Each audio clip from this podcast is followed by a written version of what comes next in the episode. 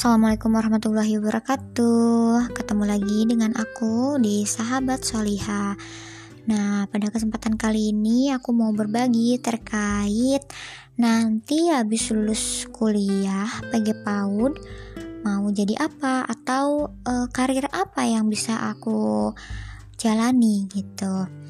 Ini juga sekaligus menutup segmen di perkenalan kita ya nanti hari Selasa akan uh, kita memasuki segmen yang baru terkait dengan bulan Ramadan ini ya guys.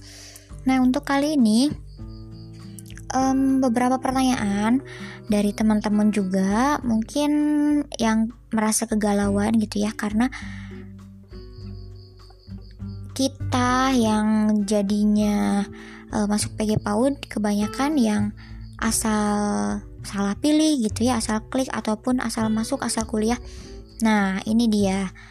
Yang pertama eh, inspirasi-inspirasi terkait prospek kerja ini bisa kita lakukan nanti ya sebagai bahan renungan.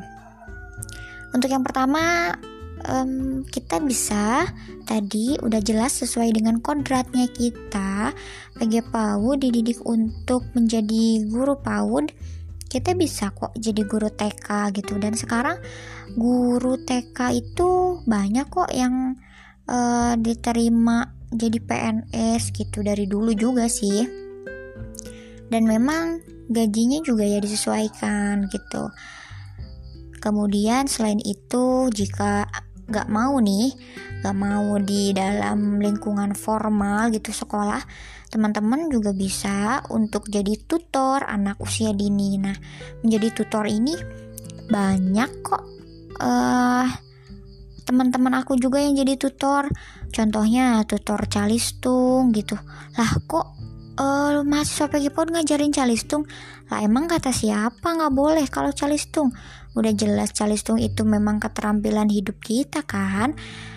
Dan itu perlu diperkenalkan gitu ya. Nah, tentunya lulusan PG PAUD ini pasti lebih paham kok tentang ngajarin calistung itu kayak gimana. Kemudian, selain tutor calistung bisa juga loh tutor-tutor yang lain kayak tutor bakat, minat gitu kan. Terus dia juga bisa kan jadi pelatih tari.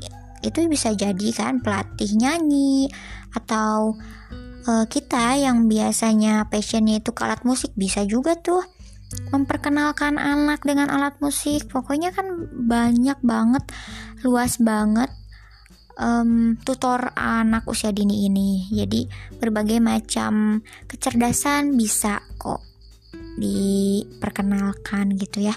Karena memang kan uh, selama anak usia dini ini memang harus diperkenalkan dengan berbagai macam bidang.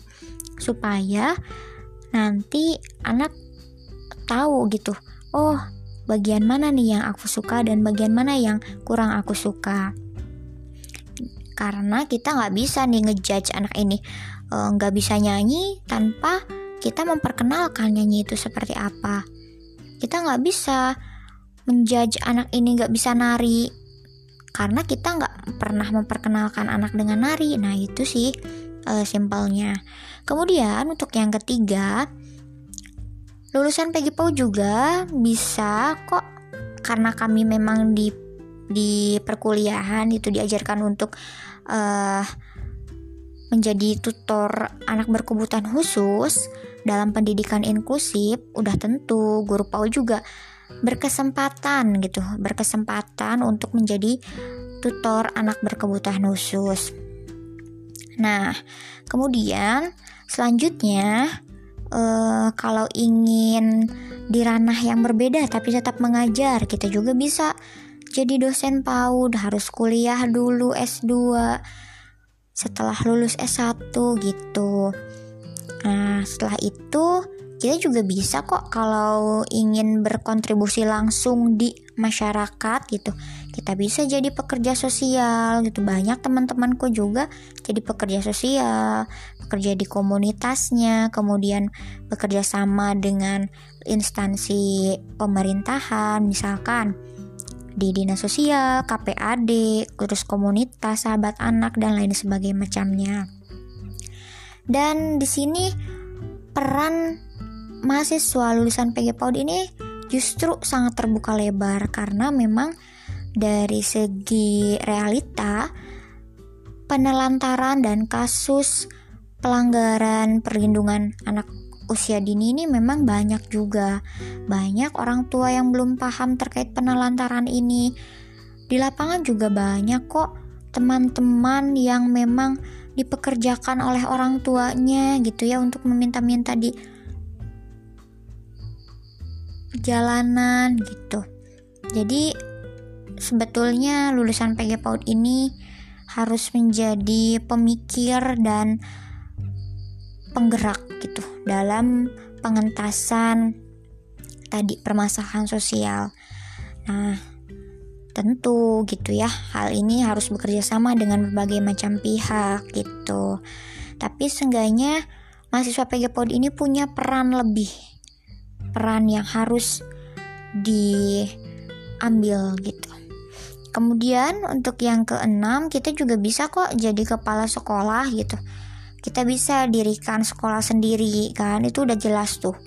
Kalau kita mendirikan sekolah sendiri, kita bisa mengkonsepkan sekolah kita sesuai dengan yang kita harapkan gitu.